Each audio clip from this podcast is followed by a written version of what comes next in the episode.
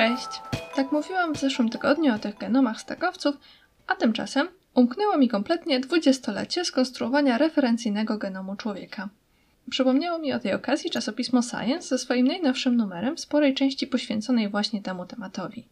Projekt poznania ludzkiego genomu, The Human Genome Project, ruszył w 1990 roku i miał ambitny cel poznania niemal pełnej sekwencji genomu ludzkiego w ciągu 15 lat. Tymczasem jednak rywalizacja pomiędzy tym publicznym, międzynarodowym projektem a prywatną firmą doprowadziła do przyspieszenia tych prac i pierwszy tzw. Tak draft ludzkiego genomu został ogłoszony w 2000 roku, a opublikowany w dwóch równoległych publikacjach właśnie w lutym 2001 roku. Dużo bardziej kompletna wersja referencyjnego ludzkiego genomu została opublikowana w 2003 roku.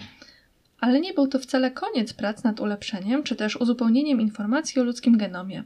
O niektórych elementach genomu wciąż próbujemy dowiedzieć się więcej, ale nie podważa to niesamowitego osiągnięcia tamtych zespołów badawczych oraz badań, które dzięki tej informacji nabrały tempa albo w ogóle doszły do skutku. Kiedy dziś prowadzimy badania, traktujemy opis ludzkiego genomu, tę referencję, do której możemy się odwoływać, jako coś oczywistego, taki zasób, który zawsze mamy pod ręką, który jest wyjątkowo dobrze opisany i zbadany, a jednocześnie wciąż widzimy w tych danych pole do poprawy i poszerzenia naszego zrozumienia. Dobrze jest więc czasem przypomnieć sobie, przez jak krótki okres mamy dostęp do takich informacji, które teraz wydaje nam się oczywiste, że możemy je wykorzystywać. A skoro już wspomniałam o poszerzeniu naszej wiedzy, to chciałam dziś opowiedzieć o nowych obserwacjach dotyczących bliźniąt jednojajowych. Zwykle mówimy, że takie bliźnięta są genetycznie identyczne, ale czy rzeczywiście? Zanim na to odpowiem, to chciałam chwilę poświęcić wariantom genetycznym. Różnice genetyczne, które możemy obserwować, czy to między nami, czy nawet między naszymi chromosomami, bo przecież mamy pary chromosomów, mogą być różnego typu. Sekwencje DNA mogą się od siebie różnić jedną literą albo kilkoma literami, czyli na przykład w dokładnie tej samej pozycji zamiast nukleotydu T będziemy obserwować nukleotyd C. I to będzie taka punktowa zmiana. Ale to nie koniec. Może być kawałek sekwencji wycięty albo odwrotnie, powtórzony. Możemy mieć do czynienia też z większymi zmianami w strukturze genu albo regionu. Te wycięcia albo wstawienia sekwencji mogą być krótsze lub dłuższe. W każdym razie wszystkie te typy zmian, czy to punktowe, czy większe wycięcia, wstawienia, czy w ogóle zmiany strukturalne, wszystko to możemy opisać jako warianty. I tak też robiłam w poprzednich odcinkach. Ale równie często, jak nie częściej, możecie słyszeć o mutacjach. I mutacja sama w sobie to właśnie jakiegoś rodzaju zmiana w sekwencji DNA w komórce. A te różne przypadkowe zmiany w połączeniu z innymi procesami ewolucji powodują, że obserwujemy zmienność pomiędzy genomami czy kopiami tych samych sekwencji. A więc wszystkie te wspomniane warianty, które obserwujemy, gdzieś tam wzięły swój początek w którymś momencie z mutacji. Dlaczego więc unikałam słowa mutacja?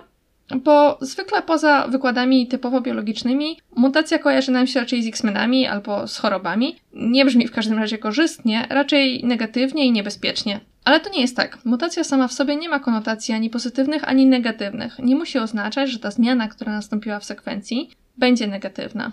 Może być tam zupełnie obojętna, może nic nie znaczyć, może być niekorzystna oczywiście, może być też korzystna.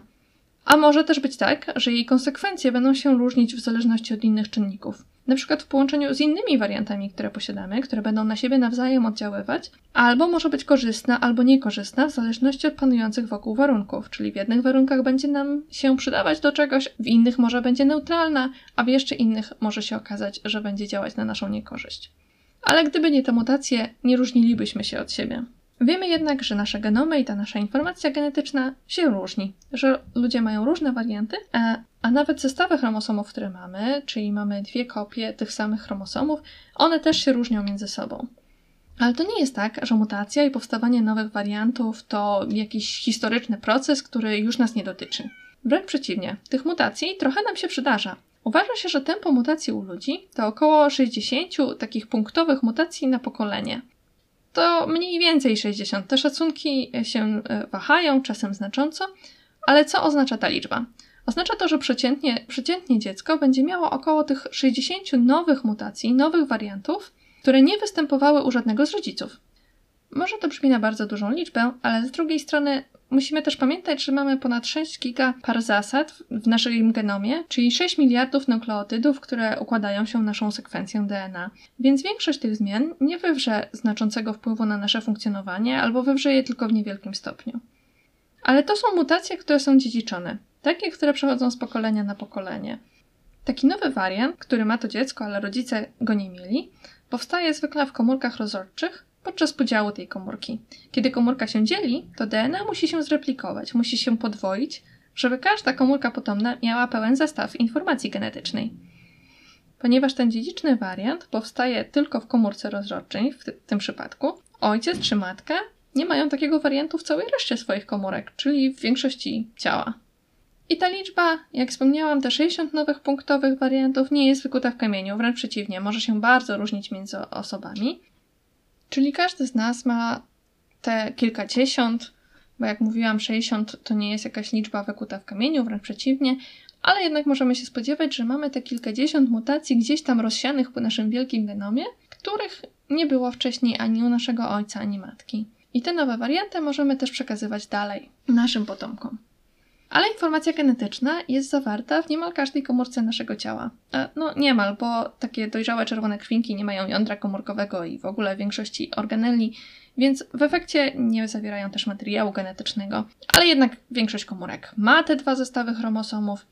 Z komórek wciąż powstają nowe komórki, w jednych tkankach szybciej, w drugich wolniej. Czy tam nie może dojść do mutacji? Może. I dochodzi. To są tak zwane mutacje somatyczne, czyli to są takie mutacje, które nie będą dziedziczne. One ciągle zachodzą tu i ówdzie w naszym ciele, ale nie da się ich odziedziczyć, bo nie dochodzi do nich w komórkach rozrodczych.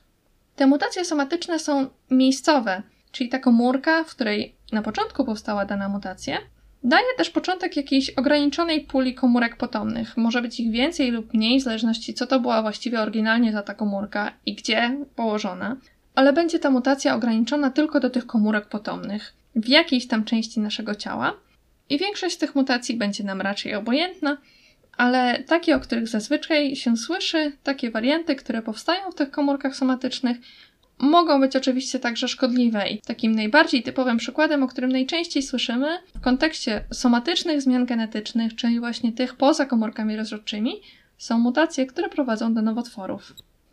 Ale wracając do tematu samych wariantów genetycznych i mutacji, to co chciałam Wam głównie tutaj przekazać, to to, że, że mutacje są naturalne, że ciągle się przydarzają w różnych komórkach naszego ciała. Natomiast większość tych mutacji będzie występować w tych komórkach somatycznych, w komórkach, które nie są komórkami rozrodczymi i w związku z tym nie będą się dziedziczyć. Co to ma wspólnego z tematem bliźniąt? Mogliście mieć wrażenie, że kompletnie porzuciłam ten temat, i, który sama zaproponowałam i zdryfowałam gdzieś w odmętę zmienności genetycznej między ludźmi, ale nie. Monozygotyczne, czyli jednojajowe bliźnięta zazwyczaj nazywa się bliźniętami identycznymi i mamy tu przez to na myśli, że ich informacja genetyczna jest identyczna. Zwłaszcza w przypadku najmłodszych dzieci, no bo przychodzą na świat z tej samej zygoty i nie powinny się nawet pod kątem zmian somatycznych jakoś tak znacząco od siebie różnić. Ale wiadomo było, że nawet te bliźnięta jednojajowe czasem się różnią. I badania nad bliźniętami jednojajowymi w ogóle są taką bardzo klasyczną metodą badawczą, która pozwala nam odróżniać wpływ zmian genetycznych i zmian środowiskowych na określoną cechę. To może być jakaś choroba, ale to może być kwestia genetycznych uwarunkowań wzrostu albo dowolnej innej cechy, którą chcemy lepiej poznać. No i zwykle uważa się, że właśnie te różnice między bliźniętami, skoro mają identyczną informację genetyczną, są spowodowane głównie różnicami środowiskowymi, czyli na przykład różnym trybem życia.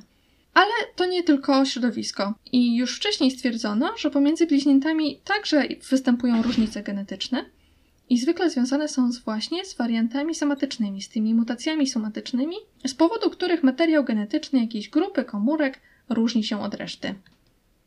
To może doprowadzić do sytuacji, gdzie jedno z bliźniąt w tej odróżniającej się grupie komórek ma ten inny wariant. Ten wariant może być powiązany z tą cechą, którą się bada, albo z jakąś chorobą, która jest naszym obiektem zainteresowania i chcemy ją lepiej zrozumieć.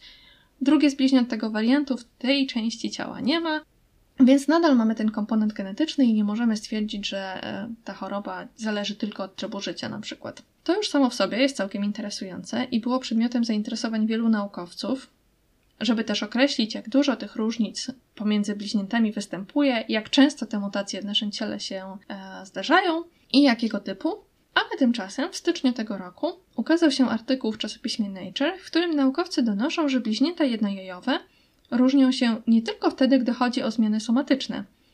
Według ich badań bliźnięta ogólnie różnią się średnio o 5 mutacji, które są dziedziczne i które występują zarówno w komórkach rozrodczych, jak i przynajmniej części komórek ciała, niekoniecznie wszystkich.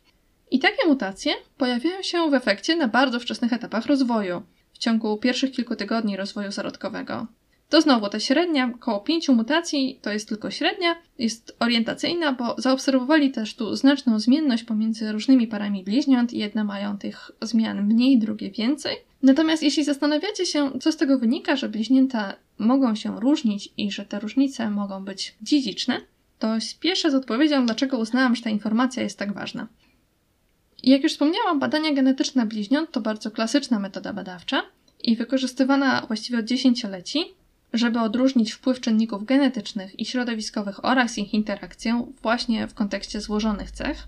Ale nie jest to tylko narzędzie przeszłości. W wielu krajach prowadzi się tak zwane e, rejestry bliźniąt, od których pobiera się próbki i kolekcjonuje informacje na ich temat, na temat jakichś konkretnych cech czy stanu zdrowia. Większość tych rejestrów jest dobrowolna i te dane wykorzystywane są, aby lepiej zrozumieć czas powstania tych nowych mutacji w trakcie rozwoju zarodkowego, zmian somatycznych, które powstają w czasie życia, różnic w aktywności genów, przyczyn tych różnic w aktywności, czy właśnie związku między wariantami genów a trybem życia, przykład jak dieta w połączeniu ze specyficznymi wariantami genetycznymi wpływa na reakcję naszych organizmów. W takiej sytuacji wiedza o tym, że bliźnięta jednojajowe mogą się różnić tymi raptem kilkoma przecież mutacjami, które są dziedziczne, powinna być brana pod uwagę przy analizie złożonych cech. Na przykład, kiedy badamy autyzm, trzeba się upewnić, czy obserwowane różnice między bliźniętami na pewno nie wynikają, przynajmniej w jakimś stopniu, z takiej nowo powstałej mutacji. Oczywiście te pięć mutacji w skali całego organizmu to naprawdę niedużo, a do tego już wcześniej zdawaliśmy sobie sprawę, że bliźnięta mogą się od siebie różnić właśnie tymi somatycznymi wariantami w komórkach ciała, Natomiast nadal jest to kolejna rzecz, którą trzeba wziąć pod uwagę i warto jakby dodatkowo sprawdzić, czy taka różnica między tymi bliźniętami nie występuje. Więc te obecne nowe badania jakby dodatkowo ugruntowują tę czujność, którą naukowcy powinni wykazywać. Ale jest to też kwestia w ogóle zwiększenia naszej wiedzy o rozwoju człowieka w tych najwcześniejszych etapach życia. Kiedy i jak pojawiają się takie nowe warianty, a jak już wiemy, pojawiają się u każdego, i jak rozmieszczone one później zostają wraz z rozwojem organizmu. Dlatego myślę, że jest to taki temat, który bardzo nas wszystkich jednak dotyczy i warto sobie zdawać e, sprawę zarówno z typów mutacji, które cały czas nam się przydarzają, jak i z tego, co naukowcy dalej próbują studiować, żebyśmy poznać lepiej, jak funkcjonujemy. A współautorem dzisiejszego odcinka jest mój drogi kot Hermes, kontroler jakości, który niezawodnie pomagał, wykreślając jego zdaniem nie najlepsze fragmenty z moich notatek i wspierając mnie mentalnie przez cały czas, co spowodowało dzisiejsze opóźnienie. Nie wątpię, że Hermes będzie nadzorował każdy kolejny odcinek, natomiast postaram się, aby moje notatki od razu były dobrej jakości i nie musiał ich już tyle poprawiać. A w międzyczasie oczywiście zachęcam Was do kontaktu, do zadawania pytań, do pisania komentarzy, do wysyłania mi maili. W opisie wrzuciłam artykuły, ponieważ główny artykuł nie jest dostępny, to wrzuciłam po angielsku co prawda, ale dwa takie mm, popularyzatorskie teksty, które też e, fajnie tłumaczą istotę tych badań nad bliźniętami, więc mogą Wam się spodobać. Na pewno będę też przygotowywać serię o determinacji płci, tak jak zasugerowałam w poprzednim odcinku, bo pojawiły się głosy, że chcielibyście o tym posłuchać, ale nie wiem, czy to już będzie za tydzień. Zobaczymy, co powie na to Hermes. Do usłyszenia za tydzień.